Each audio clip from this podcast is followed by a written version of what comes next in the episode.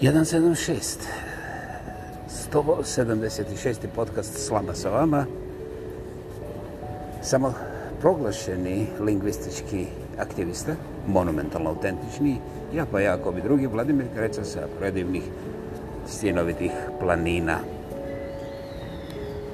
Gotovo za predivan dan.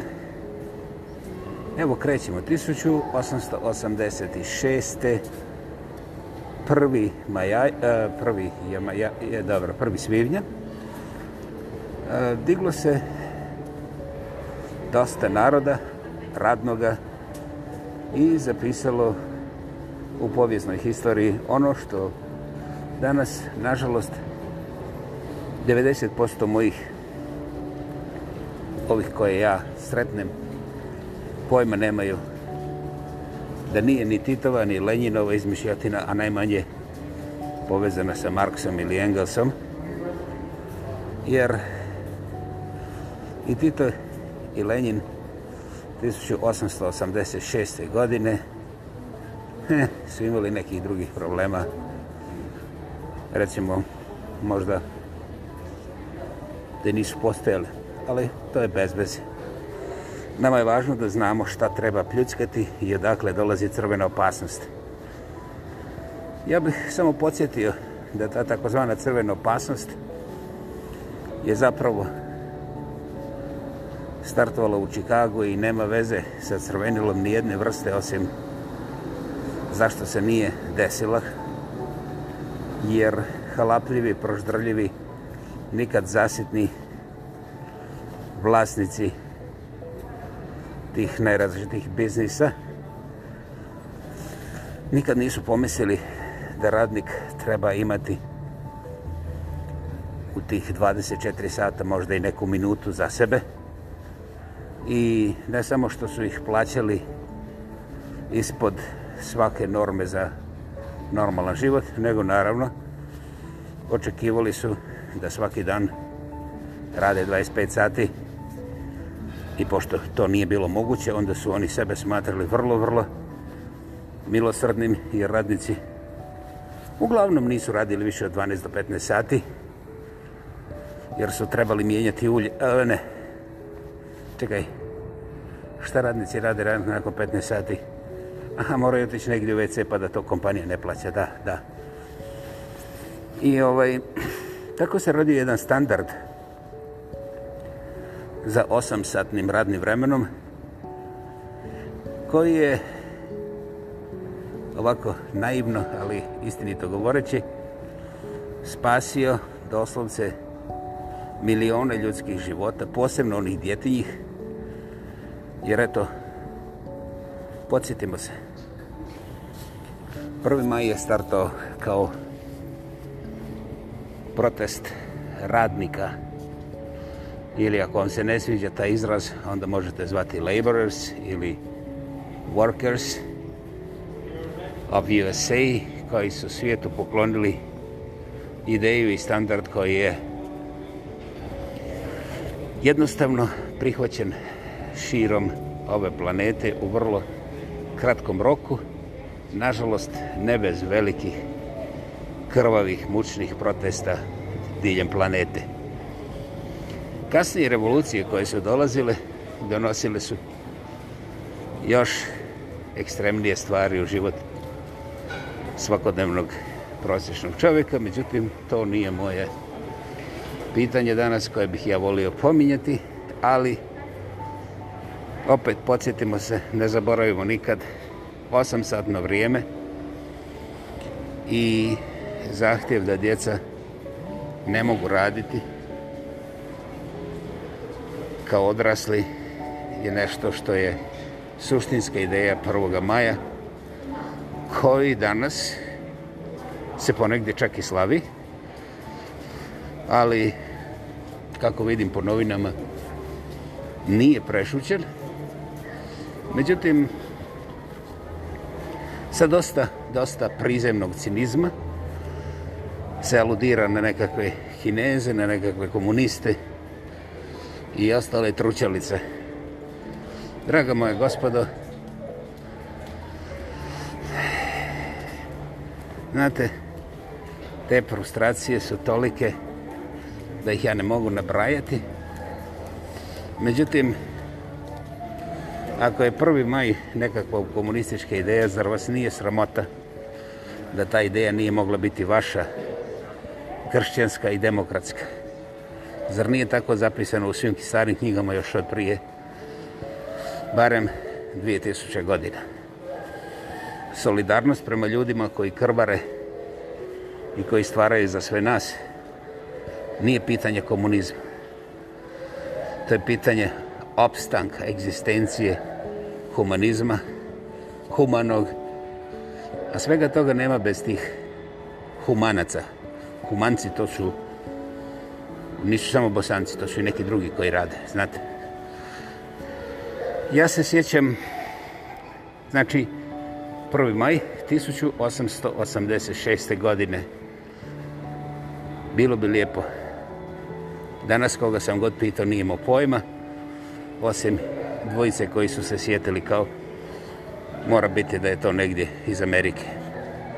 I to me prijatno oduševilo. Dakle, u cijeloj priči oko 1. maja vrlo je jednostavno primijetiti profil ove tužne planete i kako naš čovjek danas sam sebe falsificira da bi se valjda umilio nekome iz ovoga svog demokratskog i kršćanskog okruženja. Lupaju se izmišljotine učinjenja o komunistima, kinezima, rusima i ne znam ti ja šta već. I naravno, nemam je ništa protiv ako vi volite sami sebe zatucati. Zatucanost je glavna politička, ali i poljoprivredna, dobro, totalna, ne samo ideja, nego praksa ovih modernih, naprednih vremena. Međutim, sto godina kasnije britanska um, ja mislim nacionalna muzička federacija izdaje najveću godišnju nagradu za single godine dvojici derana iz jednog omanjeg mjesta a pjesma se zove Everybody wants to Rule the World. Tears for Fears, to je naziv toga ansambla, to je duet u stvari. I meni je posebno zanimljivo što je 100 godina kasnije suze za strah, tako bi se pravio njihov naziv, napravio pjesmu koja je dosta dugo vladala, znači sredinom 80. godina, svjetskom scenom, a naslov je bio svako bi htio da vlada planetom. Interesantno. Meni samo ovako dođe da kažem, pa ljudi moji, da li vi išto primjećujete? Mislim, sto godina, lijevo, desno, šta se promijenilo? Najglasniji su uglavnom ovi koji otkrivaju Kineze, komunjare, Ruse i te ružne, tako dalje ja bih volio kad bi ljudi otkrili, a to niste ni vi čuli, neko tiho mjesto u ovim velikim trgovinskim centrima gdje se kupuje svašta, najviše potpuno nepotrebni stvari. Ne da stvari ne valjaju, nego ljudima ne treba sav taj džank. I ja bih volio kad bih čuo nekoga, bez obzira gdje se taj trgovinski centar nalazi na ovoj planeti, da mi kaže šta bi se desilo sa tim trgovinskim centrom ako bi isključili proizvode iz Kine. Naravno, ne morate odgovarati, ali ima još jedna sjetnica koju moram pitati u ove današnje prazničke minute. Da li se u vašoj familiji ikad desio radnik, dobro, djelatnik, i da li ste tog čovjeka na odgovarajući način. Dobro, samo poštovali. To je naravno pitanje koje ne morate odgovarati, ali pogledajte se u ogledalu i onda, konačno, ja nisam čuo nigdje, ni u podcastima, ni u novinama, ni ovim beskrajnim internetskim napucavanjima, da su ti koji pljuckaju po, recimo, prvom maju, da su rekli, wow, vidi, u ovom molu ima tiho mjesto, pogodno mjesto za molitvu. Može solo, može grupno. To su oni stvari koje su moguće u jednom pretilom Dubaju tamo unutar svih super bogatih trgovinskih centara. Oni imaju već prije konstrukcije plan da svaki taj centar na odgovarajuću površinu i broj ljudi ima odgovarajući broj prostorija za privatnu, ali i za grupnu molitvu. Ja, ja znam, oni su muslimi, pa je to samo za muslimi. Međutim, znate, varate se. Oni koji su bili u Dubaju znaju da kada uđete u sobu za molitvu u tim trgovinskim centrima, da niko ne traži dokaz da li se vi, vod, vod, da li se vi molite budi, Allahu ili strahu. Dakle, neki su to već uradili, a mi smo prepametni da o tome čak i mislimo. Eto, današnji dan je nekako izgubio ono što je od uvijek imao. Međutim, ideja ne nasilja, ideja davanje šanse čovjeku koji radi i dalje nije ideja jedne političke opcije, ideje, zamisli, koncepcije. Ideja da čovjek mora imati odmor zapravo nije ideja, nego je nužnost opstanka civilizacije. I zato bi bilo dobro da na današnji dan slavimo našu vlastitu mogućnost i šansu da poštujemo ljude koji rade. Da ne gledamo situaciju kao vlasnici velikih korporacija, jer za Boga miloga puno je manje korp tih korporacija, tih velikih radnih centara i organizacija nego ljudi. Dakle, čak niti 1% od nas neće steći šansu da budu vlasnici tih korporacija. Drugim riječima, na ovaj ili na onaj način, svi smo mi prosto osuđeni prirodnim okolnostima da budemo radnici negdje za nekoga nekako. Čak i kad radimo za sebe, mi smo radnici. Dakle, u raspektu rada počiva naša naš balans sa Bogom i prirodom. Iako to ne primijetimo, onda te polucinične primjedbe oko 1. maja će nam doći glave. Ne zbog toga što postoji policija koja će ići okolo i kažnjavati. To bi čak bilo i dobro. Nego mi smo samo jedan dio tog nevjerovatnog kompleksa zvanog priroda i ta priroda ima moć da regulira sve ono što mi naivno ignoriramo bivajući uvireni da možemo. Eto, ovo je moj danasnji podcast u uvjerenju da imate dobro raspoloženje i normalno 1. maja treba imati dobru papicu sa društvom ako se može budite oprezni ja vam ne savjetujem da izmišljate kako korona ne postoji i ovaj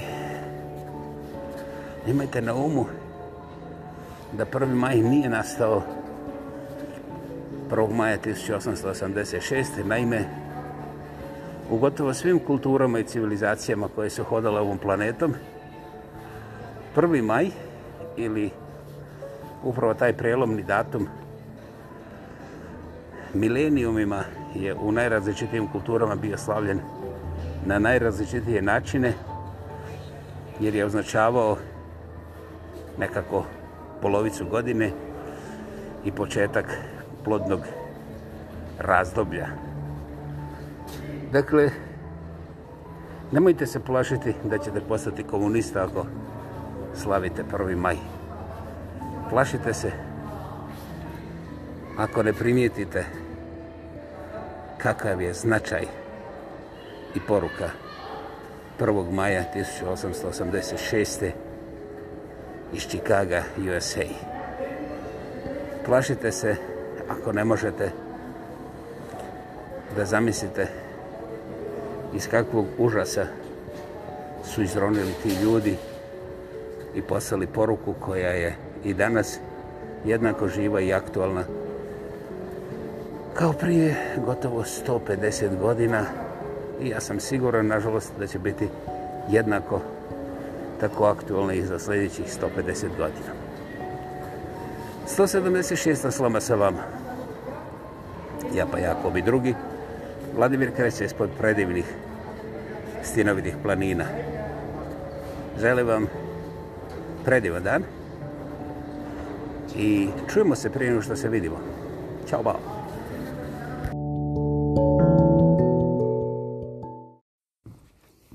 Jedan, osam, dva. Ovo je važan broj. Možda ima neki važniji, ali 182. put. 182 slama sa vama.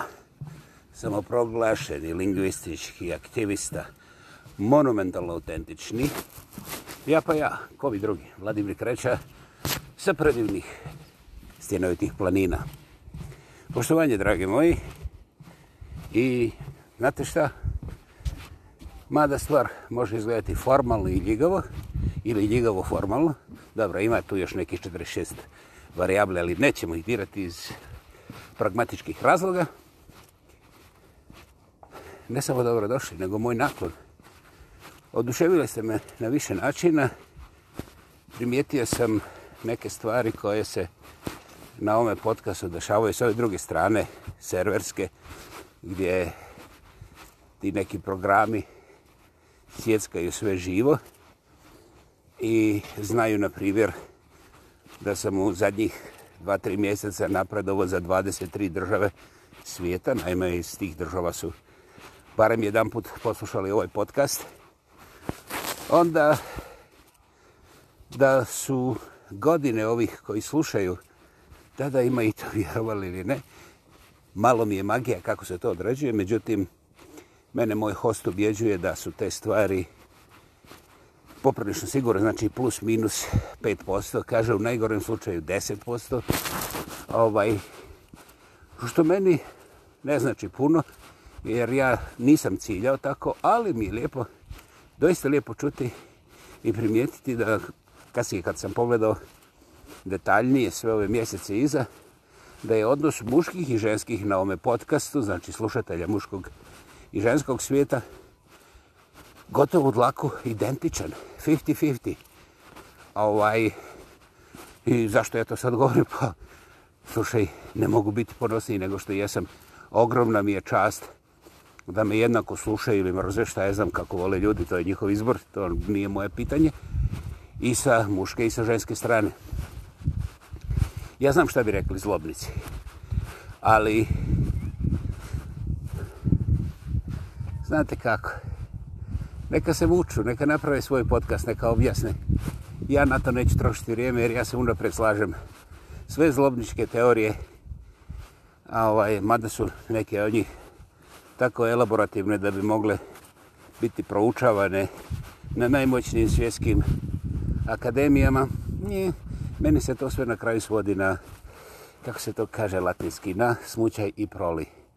Jer ako su oni, ako su oni zlobni, nisam ja. Uh, i to... I like your face. You're beautiful. Thank you. You made my day. Thank you. You too. Thanks.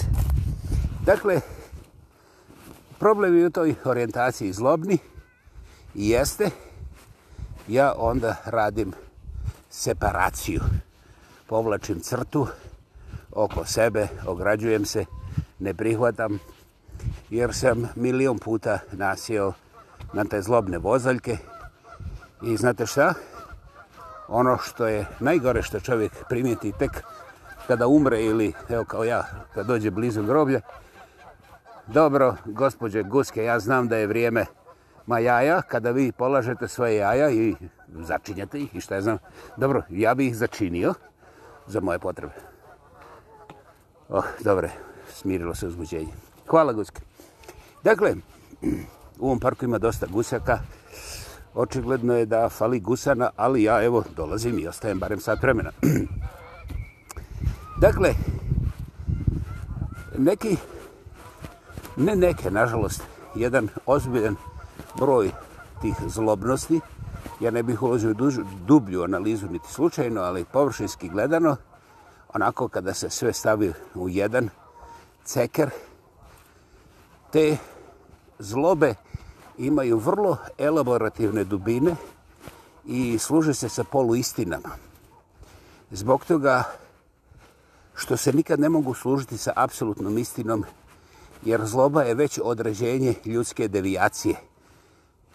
Pokvarenosti ljudskog mozga, pokvarenosti ljudskog društva, pokvarenosti... Nje, sad izaberite lepeza, širi se kako hoćete. Međutim, apsolutna istina je nema zlobu, čak nikada ubija. Zato što ubijanje u prostoru apsolutne istine, neću objašnjavati, apsolutna istina se ne objašnjava, ali uzet ću kratak primjer. Kada apsolutna istina ubija, onda to nije ubojstvo. Šta ja onda kažem? Da taj ubijeni zeko nije više mrtav zato što je apsolutna istina odlučila tako. Eh, znate šta? Gospodo, jednostavnije govoreći upravo da. I to bezuvjetno da. Zašto? Jer ta nekakva apsolutna istina ima svoju mudrost, svoj sat i svoje mjerila. I mi još nismo ni blizu da to čak ugrubo zamislimo. I kada ta apsolutna istina ubija toga nekog zeku, koji čak nije ni godinu dana star, onda to nije ubojstvo iz recimo nekih razloga koji se odnose ovako point of view, znači ko gleda čovjek vidi taj zeko ni, ni kriv ni dužan mrtav, a nema ni 8 mjeseci i onda on kaže taj bog ne radi ništa, mislim ta nekako apsolutna istina, ili kako hoćete zvati zeko nije treba da umre ovo je grubo, ovo je surovo i tako dalje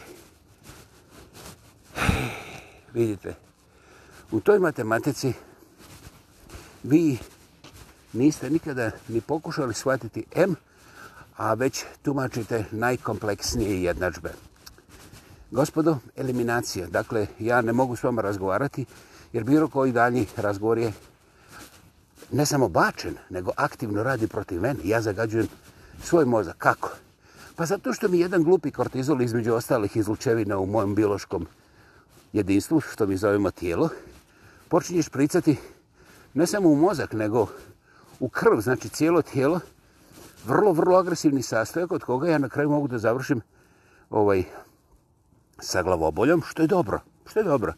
Ali ako u tom procesu mi neki život bude posebno pogođen, ja mogu čovjeku da spomenem majku, sestru, familiju, naciju, generaciju, znaš, I to na način na koji će ovaj čovjek shvatiti da je sad ovlašten da on meni ne pominje ništa nego da mi klepi čekićem ravno po čelengi.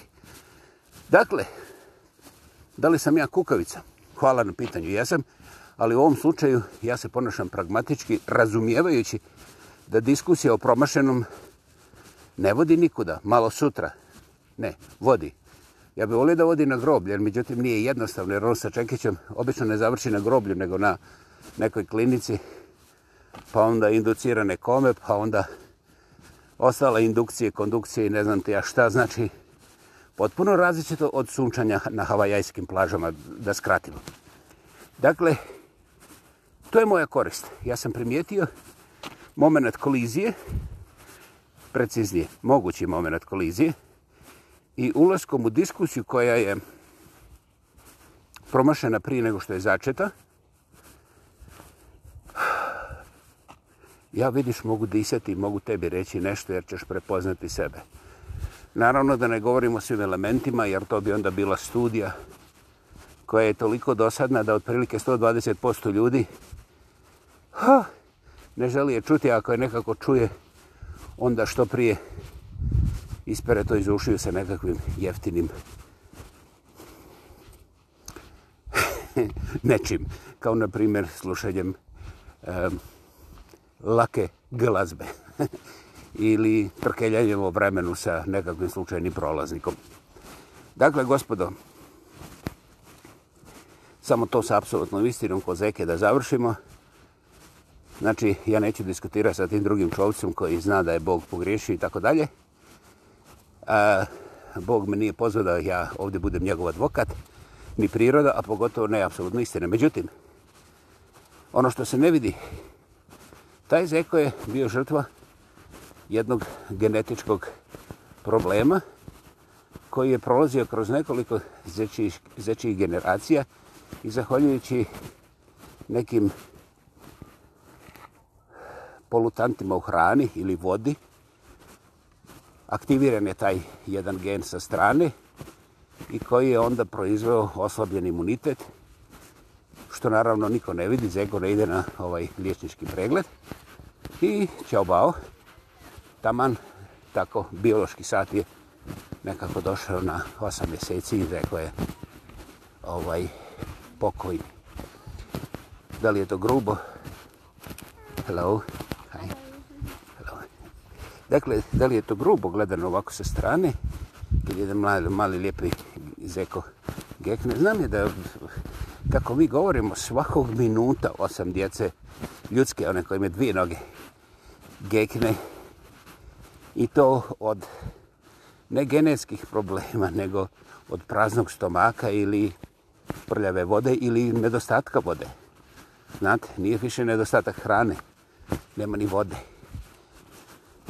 Dakle, ja ovdje ne želim da plačem, ali želim da kažem kako apsolutna istina i te kako ima svoje pravila koja nisu na nivou logike, a pogotovo ne one okljaštene logike koje smo mi učili u našim nacionalno i politički zagađenim školama gdje smo formatirani kao mali kapitalisti ili kao mali komunisti, bez obzira što to u suštini ipak ne znači ništa.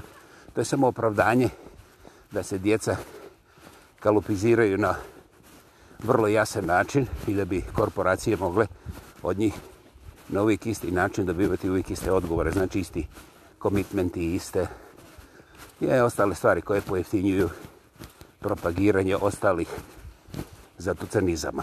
Dakle, da, i onda da vas lakše pripremi za rat u kome ćete vi njima naplatiti sve frustracije koje su proizveli ovi dok su vas kalupilizirali. Jeli, Bože moj, zašto bi vi bili slobodan čovjek kada, može biti, kada možete biti lijepo nagluženi mago I onda će vam ovi objasniti kada prokrvarite, kada vam to sve izađe na nos, kako u suštini vi zapravo uživate, jer da ste tamo kod onih drugih proti koji se borite, oni bi vas jeli, zloupotrebljavali.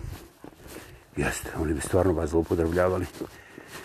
Postoji jedna mogućnost koja kaže, ako su oni tamo iste, te mislim, recimo nekakve religije, pa šta bi se onda desilo kad bi oni pozvali na pivinu i janjetinu, a? Ovaj, međutim, to je nemoguće, jer znaš, oni su tam ružni i blesavi, a ovaj, ne deru svoje janjce kao što mi deremo svoje. Dakle, ima objašnjenje za sve i zbog toga takozvana apsolutna istina u realnom svijetu je prisutnija nego bilo šta, čak mi. Međutim, niko je ne raspravlja, u njenoj barem aktivnoj formi i nije popularna. Nije popularna jer, znaš, čim je istina mora biti moja, a ako je moja onda nije tvoja. Međutim, istina ima jedan problem. Jednostavno ne može biti u nečijem vlasništvu.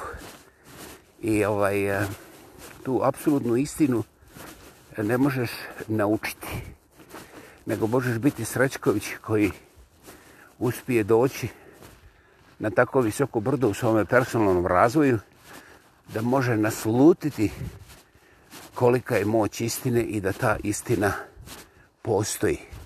Na isti način kao ljubav. I onda ako si na dovoljno visokom brdu tog samorazvoja, onda odjedno vidiš, uof, znaš, istina, Oni se govorili ljubav, čekaj, čekaj, ovo mi liči, ovo je dobro, istina ljubav. Wow! Pa to mi izgleda nekako... To. I onda se plašiš. Plašiš strah te reći, to mi izgleda isto. Tri stvari. I nekako se otiš da ima četvrta. I Boga mi ima i peta. Ali sad nećemo o tome. I onda pitaš sebe, uof, Pa šta sam ja radio? Kako sam ja trgovao sa tim stvarima? Ja sam ih pakovao u odvojene kese. Znači, ja sam silovao prirodu odvajajući onaj DNA problem od zeca da bi tvrdio kako ga je neko drugi ubio ili šta ja znam. Ili da bih dokazivao kako je moć nauke tako da jeste zec će umriti zato što je to neumitno jer ovaj i onaj kromozom su se sukobili ovdje. Ali mi sada znamo kad nam bude kad nam kad nam gekne sljedeći zec kako ćemo mi ovaj to prepoznati umjesto za 6 mjeseci za 6 dana ili smanjit ćemo broj zečeva u gradskim parkovima i košljivi zečeva oni nam ne trebaju mi ćemo onda početi da razvijamo ove kompitere gdje će pornografija biti zadžaba uh, izvid gdje će naukovanje o prirodi biti zađaba, jeli? E, to sam htio reći. Ovo prvo izbrćete. Dakle, gospodo moja, ja ovdje nisam optužio nikoga, nego sam prostro jedan čilim sa kojim možete, ukoliko vam se prohtije, pokušati na ono brdo. I ako to doista poželite, doći ćete na to brdo. Ja pritome nisam rekao da vi morate postati član bilo kojeg čopora i bilo kojeg obora. Ne. Nisam vam rekao vi da trebate uzeti svoje toljage i obračunati se sa onima koji govore drugačije ili recimo govore ono što se vama ne sviđa. Ne. Ja sam vam rekao doslovce ono što sam vam rekao i taj vaš godinama mjesan i ukalopljeni mozak i životno iskustvo uvijek ukazuje ha, ha, ha, nije to što ovaj govori, nego tu ima još nešto, znaš.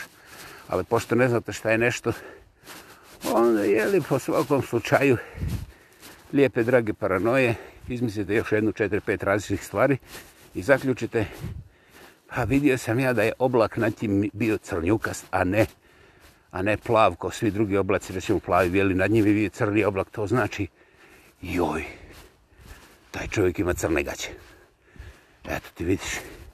Dakle, ljudi vrlo, vrlo lako odlepršaju ove crtane filmove njihove vlastite mašte i pritome nikad nisu zabrinute za svoje mentalno zdrave. Jer, ko drugčije kaže, odmaš ako smaže. dakle, moje mentalno zdravlje je odmah dokazano kao čvrsto. Kroše čvrsto. Dobro, direkt čvrsto. U, to je dvostruko čvršće nego tvoje. Ja sam te, ja sam maznul krošeom, pa onda direktom ti si bio dole, ja sam bio gore, to je trostruki dokaz da sam mentalno sasvim okej. Okay. I sad neka baba viče idiote, zašto si čovjeka raskrvario? E, idi baba šuplja si ko čabar ili badanj, zavisi iz kojeg sela. Ovaj, I onda, začepi baba, mislim, ja sam mačo mena, ti si baba i šta hoćeš, ti jedino možda daš žaba, jel tako? E, Međutim, ta baba je jednog dana postala pismena, pa je sve to snimila sa svojom kamarom, teflonskom ili telefonskom, ne znam, i onda je usput Pandura u prolazu pitala da je se u tom istom filmu pojavi kao svjedok. Aha. Da, ja znam, možete se sad smijeti da je ovo štos. Jer ako je to bilo u Iranu, u Hrvatistanu, razumiješ, ovo sve dole ispod Slovenije, to čak nije ni, ni vic. Međutim, ovo je bilo u Kanadi. Jeste, taj jedan naš regionalac je tako najebao u Kanadi. I onda, on čak nije vjerovao kad se našao pred sudom, ozbiljnim sudom, pravi sudom čovječe, ne ono crtani sud, nego pravi sud. I plakanje, kmekanje, gore, dolje, lijevo, desno. Eh. I onda, da skratimo priču, 7000 dolara plus sudski troškovi. I tu je on saznao da su kanadjani glupi ko turac, premda tu otomani nisu nikad bili, ali imaju kauče, jeli? I ovaj, došao je čovjek meni da objašnjava kako su ti kanadski sudovi glupi, prazni, ružni i tako dalje. Ja sam pokušao čovjeku reći, hej, ne čujem te, vičeš. Ti, ti, si, ti si isti kao oni. Pa, hvala, odlično, fantastičan razlog. Ja nisam došao u tvoju kuću, ti si tu.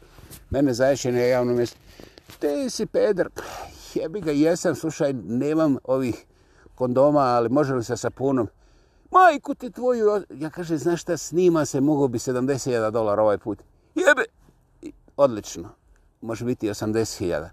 Brš! Odlično, snima se. Možeš samo da zašutiš jer sve je snimljeno. Zdravo. Zdravo. Ili doviđento, kako se to kaže.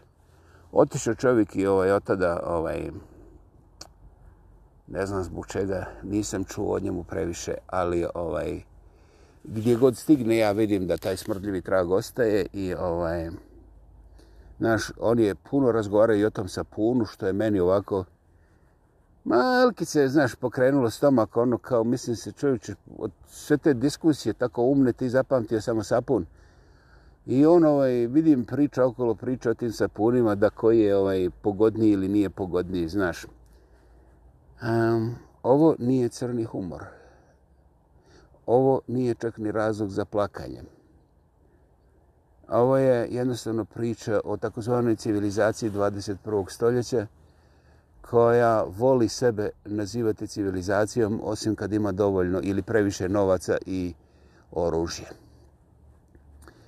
A, mi smo otišli retrogradno u svim ovim sociološkim fenomenologijama I normalno znamo da su nam zato krivi oni iz druge religije, oni iz druge nacije, a ja sam kao nekako munjara kineska koja propovjeda bratstvo jedinstvo u Sibiru. A dramatično je, tragično, ali prije svega mentalno bolesno. Zaboravite inteligenciju, to se i onako manipulira da ti ljudi ne primjećuju kako u svim njihovim svetim knjigama, bez obzira koje odabrajete istočne zapadne, ali sve antičke knjige koje su starije preko 500 godina, doslovce sve, zagovaraju bratstvo. Bratstvo sa ljudima, znači slogu. To je jedinstvo. Sloga u bratstvu je jedinstvo. I ljudi nemaju pojma o tome. Oni još uvijek imaju halucinacije komunista, komunista, jer posebno bivši komunisti koji su se učlanili ono tek da imaju papir da bi mogli ući tamo gdje je zaloga je malo veći ili barem sigurniji, što ja ne mogu osuđivati jer ljudi su se borali za svoju familiju, to se zove oportunizam, božo moj.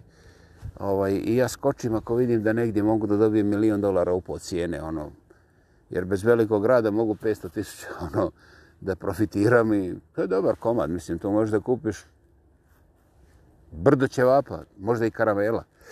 Ovaj, dakle, e, e, osuđivanje ljudi je jedan proces samozagađivanja mentalnog zdravlja i normalno onda u tom procesu strada ova socijalna klima u kojoj se e, ti neurotični i obično psihotični kreteni istaknu kao lideri ili ovi propovjednici novog, lakog, demokratskih života i tako dalje da li sam ja pacifista.